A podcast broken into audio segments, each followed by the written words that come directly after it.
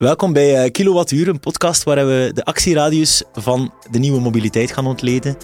Met een specifieke zoom-in op de bedrijfsfiets. Uh, we gaan eigenlijk de voordelen van de bedrijfsfiets uh, gaan bekijken.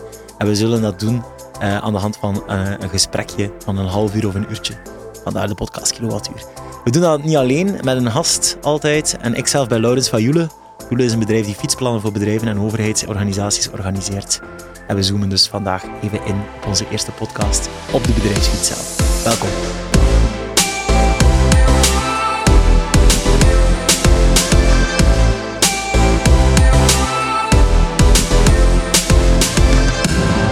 Welkom uh, bij de eerste podcast van jullie. Welkom bij Kilowattuur. Vandaag uh, hebben we onze eerste gast ook. Welkom Christophe. Hey. We dachten dat het een goed idee was om direct twee West-Vlamingen in een kot te steken voor een podcast. Dus ik, ik bestel alvast de ondertitels erbij. Um, Christophe, je bent CEO van Bezox. Misschien daarmee beginnen. Wat is Bezox? Sociaal secretariaat, maar misschien iets, iets uitgebreider dan. Uh, Bezox is uh, sociaal secretariaat, maar ook eigenlijk uh, verzekeringen en bankagentschappen. Ja. we zitten over zes vestigingen met sociaal secretariaat en ja, we staan eigenlijk voor een proactieve en persoonlijke dienstverlening. Dus uh, iedereen, iedereen, elke, elke klant bij ons krijgt eigenlijk een, uh, een eigen dossierbeheerder. Juristen zijn ook uh, persoonlijk aanspreekbaar. En al onze medewerkers zijn eigenlijk ook gespecialiseerd in het optimaliseren van, van loonmassa. Ja, dan ga ik waarschijnlijk een, een open deur intrappen, maar zien jullie een tendens in alternatieve verloning en misschien specifiek mobiliteit de voorbije jaren? Gezien dat, uh, gezien dat verloning in België zo extreem duur aan het worden is, uh, met die automatische indexering, zit men met een enorme handicap, loonhandicap ten opzichte van de buurlanden. Ja. En dan zien we inderdaad de trend dat er uh, gegrepen wordt naar cafetaria-plannen of mobiliteitsbudgetten, ja, allerhande alternatieve verloningsvormen, waar het dan ook de bedrijfsfiets, de bedrijfswagen, meestal ja, merendeel van de bedrijfswagens is ook elektrisch aan het worden. Tegen 2026 wordt al de rest afgestraft. Dus uh, daar gaan we ook naartoe. Maar ook naar bonussen toe, uh, naar, naar bonusplannen, loonbonussen, winstpremies, warrants, innovatiepremies, maaltijdchecks. Alles. Uh, groepsverzekering, hospitalisatieverzekering. Ja. Amai. Heel ja. veel verschillende variaties. Vandaag gaan we vooral focussen op de bedrijfsfiets. Mm -hmm. Nu, als wij de bedrijfsfiets binnen Joelen zeggen, dan denken we eigenlijk aan twee koepels. Een bedrijfsfiets die ter beschikking wordt gesteld uh, aan het personeel. En dan gaan we -hmm. eigenlijk babbelen over een bedrijfsfiets voor, of een salarisfiets, zeggen we eigenlijk ja. ook soms. Een andere bedrijfsfiets is eigenlijk uh, gedeelde bedrijfsfietsen. Dat gaat dan over cargofietsen misschien. Mm -hmm. Of eventueel fietsen die ja, gedeeld worden op het werk en die echt dienen voor professionele verplaatsingen. Ja. Vandaag gaan we vooral focussen op die bedrijfsfiets die, die ter beschikking wordt gesteld aan het personeel. En dat is meestal via de verloning ook. Mm -hmm. um, dat biedt wel wat voordelen natuurlijk, die, ja. die bedrijfsspecifiek. Ik denk in de eerste plaats aan het financiële, want er is een vrij gunstig financiële regeling rond die ja. bedrijfsfiets. Ja. ja. Financieel is inderdaad een, een van de grotere drijfveren voor, uh, voor te kiezen voor een bedrijfsfiets. Ja. Want de werknemer, als werknemer betaal je er geen reset op ja. en het ook geen inkomstenbelasting of voordeel alle aard ja. erop. En als werkgever en, inderdaad ook uh, geen patronale bijdrage, maar je hebt dan ook nog een keer uh, een fiscale vrijstelling van die 100% aftrekbaar zijn. Ja. Dus dat zorgt er eigenlijk voor dat je werknemer een hoger nettoloon kan geven ja. voor, ja, dan dat je ja. bruto verloning zou gaan. Dat wil eigenlijk zeggen dat je, dat je ja, door die combinatie van die financiële regels, dat je eigenlijk zo'n zo, zo bedrijfsfiets echt heel interessant kan maken. Ja. Dat is financiële dan. Mm -hmm. Ja, functioneel heeft het ook wel een voordeel. Ik denk dat het gewoon spontaan flashback toen ik in, in Vilvoorde werkte en op de wedstraat stil stond voor een afstand van 8 kilometer. Dus soms kan het echt relevant zijn om die fiets te gaan nemen qua tijdsbesteding. Ja, en zo. we, we hebben ook zo'n medewerker in, in Antwerpen. Ja. Als die naar het kantoor moet komen, dan zit hij ook acht minuten onder de baan. Wel ja, het is soms gewoon efficiënter ook. Ecologisch, mm -hmm. CO2 dan, veronderd. Eh, ja. dat, is, dat, is, echt heel evident. Ja, ja dat is uh, heel evident. Dat is een binnenkopper. En natuurlijk ook uh, gezondheid. Ja. Van, hey, we zijn bezig over financieel, maar ook naar gezondheid toe. Uh, je sport iedere dag. Ja. Uh, en ook de beweging. Hè. Je kunt Ja. uh, elf pakken frieten eten per dag. Uh, door dag trainen- Of per jaar. per jaar. Uh, bij het rijden van een fiets, hè, ja. Ja, ja, ja. ja, mensen denken soms elektrische fiets, ja, dat is... eh, ik, ik heb liever de normale fiets. Eh, ik wil in beweging blijven, maar eigenlijk Mhm. is die elektrische fiets een, een alternatief voor de wagen en niet zozeer. Niet Ja, zeker. Het is ook uh, toegankelijker. Hè. Ja. Niet iedereen fietst graag, dus Ja, uh, ja, absoluut. zo'n elektrische fiets, ik heb er zelf al op gezeten, ja, dat houdt twee keer niks in. Hè. Ja, en dat klopt. En zo'n bedrijfsfiets, dan kan je eigenlijk kiezen of dat je fietsleasing of fietsaankoop zal doen. Dat wil eigenlijk zeggen, een leasing ga je de fiets huren als bedrijf en die dan vervolgens ter beschikking stellen van je medewerkers. Bij een aankoop ga je dan eigenlijk die fiets uh, aankopen als bedrijf. Dat is dan wel een investering die, die wat cashflow uh, nodig heeft. Mm -hmm. en bij leasing heb je dat niet. Bij leasing ga je eigenlijk een pakket aan diensten gaan huren voor een periode, meestal 36 maanden. Um, en ben je eigenlijk volledig ontzorgd in het verhaal zelf. Dus dat is een beetje het verschil tussen leasing en aankoop. Maar in beide gevallen gelden die, die financiële en ook die andere voordelen uiteraard. Mm -hmm. um, nu, die fiets mag je eigenlijk ook gebruiken voor privéverplaatsingen. Ja. Als je een ritje wil doen met je, met je vrouw of met je kinderen in het weekend, dan kan dat.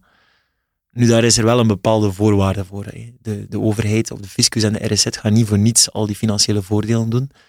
Wat zijn zo de belangrijkste voorwaarden rond het gebruik van, van die bedrijfsfiets? De belangrijkste twee voorwaarden is eigenlijk dat het gaat over een fiets. En dat je ook minimum één keer per week uh, woon-werkverkeer doet. Dus dat er regelmatig gebruik is van de fiets. Ja.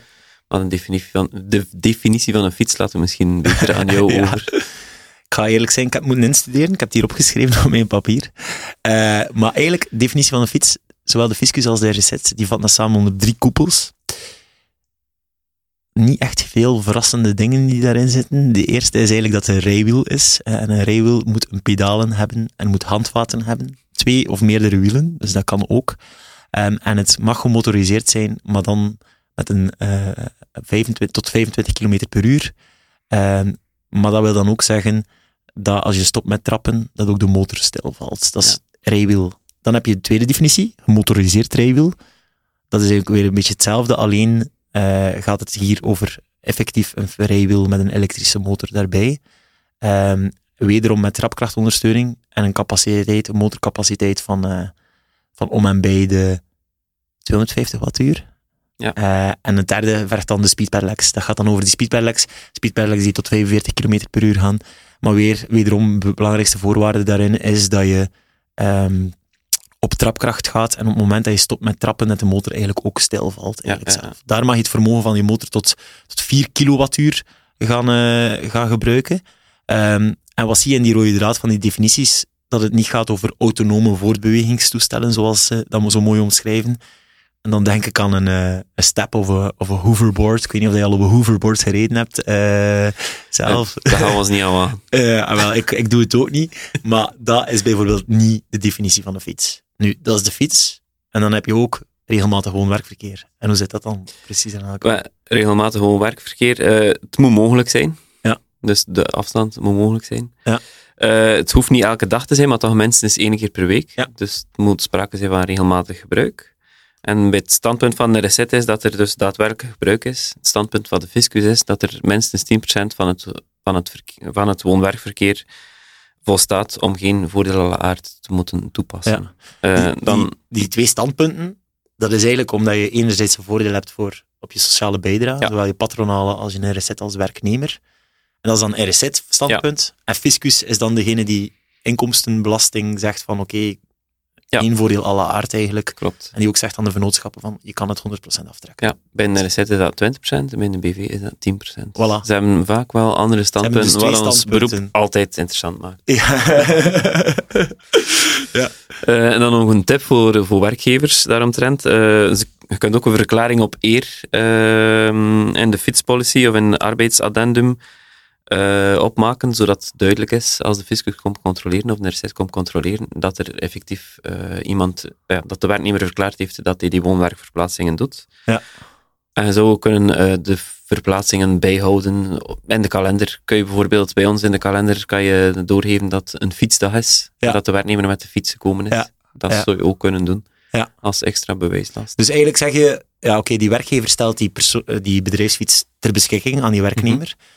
Die uh, gaat die verrekening, waar we straks nog even op terugkomen, die gaat die doen volgens die voordelen. Maar om die voorwaarden te respecteren van enerzijds fiets en anderzijds regelmatig gewoon werkverkeer, kan je een verklaring op eer laten doen ja. en kan je die registratie ook eventueel gaan doen via ja. een tool of dergelijke meer. Ja. Daar komt het eigenlijk op neer. Ja, oké. Okay. Nu, dat is dan de voorwaarde van de fiets. 20% zei je voor de RSZ en 10, of dat is de instructie die Eén dag per week. Eén dag per week. En 10% volgens de fiscus eigenlijk zelf. Ja, dat is goed om dat is maar een halve dag. Dat is een halve dag, ja. ja. Of om de twee weken. um, ja, we hebben dus eigenlijk al Nu, allee, we weten nu de voorwaarden om zo'n bedrijfsfiets privé te kunnen gebruiken zonder dat je daar een voordeel van alle aard uh, op hebt. Als ik dan puur nadenk als, oké, okay, ik ben een werknemer, ik werk bij u mm -hmm. en ik wil, uh, ik wil een bedrijfsfiets. Mm -hmm. Hoe kan jij die ter beschikking stellen aan mij? Via het salaris neem ik aan, maar hoe Ja. zit dat dan precies? Dus er is daar eigenlijk niet echt een wettelijk kader rond. Dus de werkgever en de werknemer kunnen dus vrij overeenkomen. Ja. Eh, Toch zijn er een aantal spelregels. Ja. Ze kunnen het eh, gratis geven. On top of het loon betaalt de werkgever eigenlijk de fietsleasing. Oké. En het voordeel daarvan is, de extra, de extra kost is voor de werkgever, maar het is wel een minder grote kost dan dat je het zou geven als bruto loon. Ja. Want het is gewoon, er is geen sociale Ja. zekerheidsbijdrage en er is ook geen bedrijfsverheffing. Ik snap het. Dus wellicht, stel je voor, ik werk bij u, ik heb echt hard gewerkt, Christophe. Mhm. Ik wil 100 euro opslag, alstublieft. In werkelijkheid, als het puur gaat over, over loon, Mhm. dan kost jou dat 125 euro. Ja. En dan zal ik daar 60, 70 euro van in mijn Mhm. zak krijgen, misschien minder zelf nog. En bij een fietsleasing kost die 100 euro fietsleasing jou effectief 100 euro. Ja. En krijg ik een fietsleasing ter waarde van 100 euro. Dus Ja. je gaat eigenlijk meer toegevoegde waarde bieden bij, bij een opslag. Ja. Dus dat is het gratis aanbod. Ehm, waar ik natuurlijk heel veel over hoor, is loonruil. Dat je Mhm. een stukje loon zal inwisselen voor de fietsleasing zelf. Mhm. Ehm, en dat is ook hetgene wat wij het meest bij Joule behandelen. Dat is eigenlijk een, een kostenneutraal effect voor de werkgever. De werkgever zegt, oké, dat voordeel van patronale bijdrage, dat schuif ik door naar de werknemer. Voor mij moet het gewoon status quo blijven, kostenneutraal. Mhm. En de werknemer krijgt eigenlijk het, het voordeel van de patronale bijdragen. Plus, die gaat dat stukje fietsleasing aftrekken van het bruto Ja. loon. Waardoor dat, die, dat stukje vrijgesteld is van RSZ en inkomstenbelasting. En waardoor het verschil voor en na fietsleasing, ja, dat je eigenlijk de kost van de fietsleasing geminimaliseerd wordt tussen de 30 en de 70 procent Ja. van je, van je Ja. inkomstenbelasting. Dat wil zeggen, die 100 euro, die zal effectief jou 40 euro, 30 euro, afhankelijk van de inkomstenbelasting zullen kosten. En dat is iets wat we heel veel in de praktijk zien. Mhm. Nadeel daarvan dat we ook zien is dat dat, dat wel een impact heeft op je sociale rechten. Nu, het financieel voordeel die je hebt eh, en die je krijgt door de fietsleasing, die is hoger dan de impact op de sociale rechten. Mhm. Maar er is wel een manier van. Allee, er is wel een negatief impact op die sociale rechten. Je Ja. gaat minder pensioen opbouwen en minder vakantiegeld. Maar dan kan je ook opties zoals de eindejaarspremie gebruiken en dergelijke meer Ja. om dat te gaan doen. Dus ik zie loonruil via het bruttoloon, gratis aanbod. Zie Ja. nog een optie om het ter beschikking te stellen? Er is nog een laatste optie en dat is minder eh, gunstig. De mindere gunstige optie, die zien we eigenlijk niet zo heel vaak gebruikt, behalve dan in Barema-omgevingen. Eh, dus dat zit eh, via het nettoloon, dus aftrekken van het nettoloon. Ja. Het voordeel is dat de aankoop van de fiets eigenlijk gespreid wordt over 36 maanden. Ja. Het nadeel is dat er geen enkel voordeel is met betrekking tot sociale lasten. Want eigenlijk ga je eigenlijk al de volledige verloning zoals die er is, ga je eigenlijk al RSZ betalen, patronale bijdrage Ja. als werkgever, inkomstenbelasting. Maar je gaat eigenlijk niet, ja, je gaat eigenlijk geen financiële allee, geen fiscale Ja. of parafiscale optimalisatie hebben, met als gevolg dat je daarna pas aan de streep aftrekt. Eh, en dat is dan ja, minder optimaal natuurlijk. Nu, dat, dat komt dan omdat de definitie van een barema-verloning dan eigenlijk is dat je het bruto bedrag moet beschermen, in principe. Ja. Oké. Dus in feite worden mensen die ja, beschermd worden door een barema-verloon, kunnen wel niet van dat financieel voordeel genieten. Ja, helaas. Helaas. Ja. Buiten dan dat je inderdaad je betalingspreiding krijgt en Mhm. dat je een servicecontract daarbij Ja. krijgt in het geval van een leasing. Alright. Oké, ik, ben, ik ben overtuigd. Ik wil die leasing bij jou. Ehm allee, Ja. of via Jule, maar ik wil als werknemer van, eh, van Christophe een, een fietsleasing hebben. Ik, allee, hoe dat, dat dan precies is, is ik ga die fietsleasing ehm, gaan ter beschikking stellen aan, aan uw bedrijf. En jij Ja. bedrijf zal eigenlijk via het salaris die bedrijfsfiets gaan ter beschikking stellen Ja. aan, aan de werknemer. Wellicht moet je dat regelen Ja. op een of andere manier. Ja. Hoe doe je dat best? Dat is dus door een addendum aan de arbeidsovereenkomst. Ja. En daar leg je best enkele basisprincipes vast. Zoals eh, de informatie over het type fiets, de eigen bijdrage of niet. Dus dat, of er een, een loonruil is of dat gratis ter beschikking Hetgene wat gesteld je daar wordt. juist hebt uitgelegd Ja. in feite. Ja. Ja. Eh, plichten van de werknemer, dus dat hij een goede huisvader moet zijn, dat Ja. hij het veilig moet wegstellen, eh, dat hij het moet onderhouden. Ja. Regels over al dan niet privégebruik. Ja, Dat gaat dan over die 20 en die 10 procent. Ja, Over Eh, hoeveel dat je verwacht wordt dat er met de fiets naar het werk gegaan wordt? regels over privégebruik is eh, dat je partner ermee mag fietsen of niet. Ja, eh, dat je kinderen ermee mogen fietsen of Ja, niet. ja. Of dat je mag meepakken naar het buitenland of niet. Ja, Dergelijke zaken. Ja. De aansprakelijkheid van de werknemer. Als er iets gebeurt met de fiets, wie is er dan aansprakelijk? Je kunt de aansprakelijkheid bij hen leggen of je kunt de aansprakelijkheid als werkgever op, op jezelf nemen. Ja. Eh, schorsing of einde van de arbeidsovereenkomst. Wat gebeurt er met de leasefiets? Ja. Eh, kun je hem overkopen als werknemer? Kun je hem niet overkopen? Kun je de leasing overnemen? Ja. Eh, en dan ook nog een, een verklaring op eer. Dus dat, dat er effectief woon-werkverkeer aan te pas komt. Dat is hetgene wat we daarnet gezegd hebben, Ja. over RSZ en, Ja. en de fiscus zelf. En dan eventueel nog over een schriftelijk akkoord over de inhouding van het bruto-loon, netto-loon eh, of het inruilen van de eindejaarspremie. Oké, dus eigenlijk ga je, ga je een paar spelregels gaan formuleren en je gaat dan eigenlijk ook nog een keer akkoord gaan met het bedrag die de impact heeft op je Ja. salaris. En dat ga je ondertekenen eigenlijk zelf. Een beetje zoals bij een, eh, bij een bedrijfswagen, dat je Ja, een car car, policy. hebt. Ja, ja, ja. Wat wij ook doen bij Oele is regelmatig fietspolicies opstellen Mhm. en dan die addendum verwijzen ook naar bepaalde spelregels in de Ja. fietspolicy eigenlijk zelf. Ja.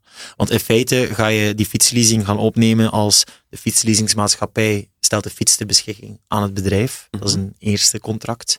En dan zal het bedrijf via de addendum die regels eigenlijk gaan opleggen aan de werknemer. En de bedoeling is eigenlijk dat je die rechten en plichten gaat spiegelen van, het huur, van de huurovereenkomst in. In, in het addendum van de arbeidsovereenkomst. Of een uitgebreidere fietspolicy hè, in principe. Oké, super interessant. Dus ik weet nu al hoe ik hem kan betalen. Ik weet de Mhm. voorwaarden ervan. Ik weet de spelregels ervan. Ehm, wat ik ook heel re- regelmatig hoor, is, is de fietsvergoeding dan Ja. specifiek. Nu, dat heeft op zich niet echt iets te maken met de, de bedrijfsfiets aan zich. Een fietsvergoeding is iets dat je kan krijgen, of dat je nu via een bedrijfsfiets dat Ja, doet, klopt. of via je eigen fiets. Hè. Ja. Ja.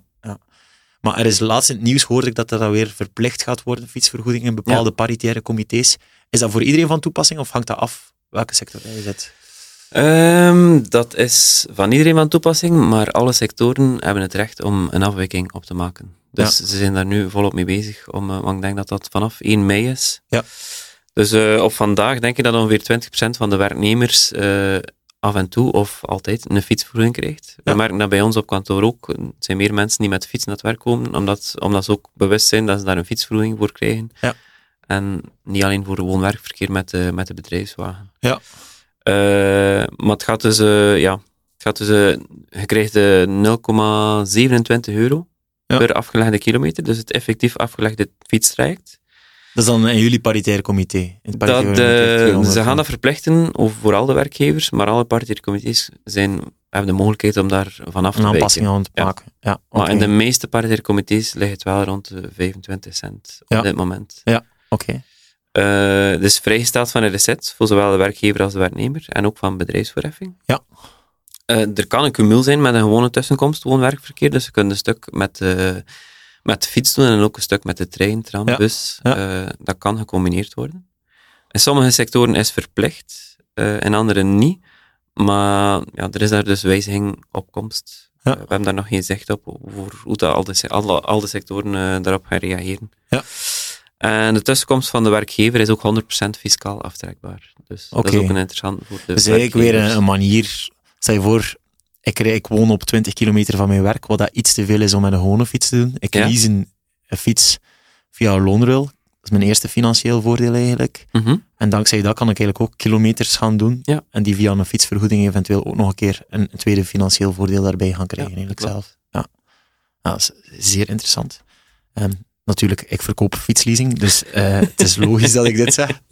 Kan je dat combineren met een bedrijfswagen? Dus stel je voor dat ik een wagen heb, kan ik dat ook eh, gaan krijgen, die Ja, dat kan zeker. Dat kan zeker. Ja, ja. Ja, dus ik onthoud een gratis aanbod enerzijds, een netto loonaftrek, wat dat suboptimaal is, maar dat wel gebeurt in Mhm. feite. En dan een bruto loonruil eigenlijk, waar dat je stukken van het bruto loon gaat inwisselen voor een bepaalde fiets Mhm. eh, zelf. Nu, dat betreft vrij financieel moeilijkere berekening eigenlijk, eh, wat je niet zozeer in een podcast heel duidelijk kan schetsen. Eh, voor dat organiseren we ook binnenkort een webinar terug met de Bezox Sayule. Mhm. En gaan we eigenlijk ook eventueel fietsgids kunnen downloaden in de show notes achteraf. Ik heb nog een paar vragen, Christophe. En we Mhm. noemen dat Het zijn vragen van luisteraars normaal, maar we hebben nog geen luisteraars, want het is onze eerste podcast. dus het zijn geen frequently asked questions, maar het zijn fictional asked questions dat we het noemen. Ehm, mijn eerste vraag is, ik heb daarnet gevraagd, kan je fietsvergoeding krijgen als je bedrijfswagen krijgt? Je zei ja. Ik veronderstel voor dan de effectieve kilometers die je maakt met de, met de fiets. Ja. De eerste fictional ask question dat ik dan heb is, kan je ook een bedrijfsfiets aanvragen? Dus een, een leasing bijvoorbeeld, als je al een bedrijfswagen hebt. Ja, kan, kan. zeker. Ja. Ja, via die loonruil dan. Wij hebben zo iemand in dienst. Ja, ja oké. Goed. Tweede vraag. Fictief. Ik ben, eh, mijn naam is Johan Musmeo. Ik werk bij de brouwerij, de Gouden Leeuw. En ik wil een fietsleasing aanvragen voor een gravelbike. Ja. Kan dat? Ja, dat kan. Mits dat de gravelbike eh, vaak genoeg gebruikt wordt in zo'n werkverkeer. Ja. ja. Dus ik moet effectief met mijn gravelbike naar mijn Ja. werk dan, op basis van Ja. de regels in de fietspolicy. Oké. Vraag drie. Eh, ik ben Sophie. Ik wil een gravelbike, nee, een mountainbike, ik ga een mountainbike zeggen om iets Ja? te veranderen, Eh, met een roze frame en knalgele wielen. Wielen, dat was heel West-Vlaams, met knalgele wielen. Ehm, en ik ga dat leasen en ik ben werknemer van Bezox. Mhm. En halverwege de leaseperiode, 20 maanden in de leaseperiode van de 36, zeg ik aan Mike Christophe, ehm, ik ga gaan werken bij jullie grootste concurrent. Wat doe ik met die fiets? Mhm. Dat is eigenlijk een vroegtijdige stopzetting van het eh, leasecontract. En indien de werknemer de fiets niet overneemt, moet hij eigenlijk eh, een boete betalen. Ja. Dat hangt af van wat er in het leasecontract staat, Ja. natuurlijk. Dat is eigenlijk van leasemaatschappij naar leasemaatschappij dat dat verschillend is. Maar daarvoor dient weer die, die regels van het addendum van de arbeidsovereenkomst wel echt. Daarvoor ga je eigenlijk weer Daarom is het belangrijk, indekken ja, belangrijk met die, met die ja, fietspolicy, dat dat er allemaal eh, dat goed dat in, staat. Oké. Kan ik een fiets leasen als ik een Barema-verloning krijg? Dat kan zeker, ja. Ja, maar dan Dat netto. kan. Maar dan in netto. Ja. ja. Ja, ik heb goed opgelet. Inderdaad. Inderdaad, ja. ja. inderdaad. Goed. Ehm, dan denk ik dat ik door, door die vragen zijn, of die fictional asked questions, indien dat er ook vragen zijn na het beluisteren van deze podcast, mag je die altijd ook gewoon stellen via de commentsecties, eh via het podcastplatform waar je eigenlijk aan het luisteren bent. Ehm, misschien even samenvatten van mijn kant uit. Een bedrijfsfiets kan je eigenlijk op twee manieren gebruiken binnen, een- binnen een bedrijf ter beschikking stellen aan je personeelsleden of gebruiken voor professionele verplaatsingen. Er zijn heel wat voordelen aan. We hebben vooral gebabbeld over het financiële, maar het zijn ook functionele, ecologische en ehm, gezondheidsvoordelen aan. Zoals hij zelf zei, met je elf pakken friet per, eh, per jaar. Ehm, en dan kan je het aanbieden gratis via bruto loonruil of eventueel via netto loonruil in het geval van een barema. Doet dat best met een fietspolicy, omdat je dan een addendum kan toevoegen met de spelregels erbij. Ehm, en als laatste, en misschien belangrijkste, is dat eh, roze gravelbikes kunnen, zowel, zolang dat je maar de voorwaarden respecteert. En dat gaat over het feit dat het een fiets moet zijn, op basis van wat ik uitgelegd heb. En ook dat er regelmatig werkverkeer moet zijn eigenlijk Mhm. zelf. Dat klopt. Super interessant. Ehm, indien dat deze materie eh, jullie als luisteraars interesseren, eh, het is zo dat wij met Bezox ook nog een webinar gaan organiseren. We zullen de datum en de inschrijvingslink in de show notes zetten. En er is ook redelijk wat documentatie op de website van Jule en van Bezox over fietsleasing. Dus die kan je daar ook aanvragen. Ook daarvan zal ik de link in de show notes zetten. Rest mij om jou nog te bedanken. Eh, om, je- om, eh, om hier op onze eerste podcast eh, langs te komen. Ik hoop dat het voor de luisteraars een aangenaam gesprek was. Voor mij was het al sinds een lang. Om nog wat West-Vlaams te houden, graag gedaan. Merci en uh, tot snel. Yes. En dankjewel luisteraar om te luisteren naar die eerste, eerste podcast. Subscribe now. Subscribe now. Iets in die aard. We moeten het nog een beetje leren. Salut. Yo.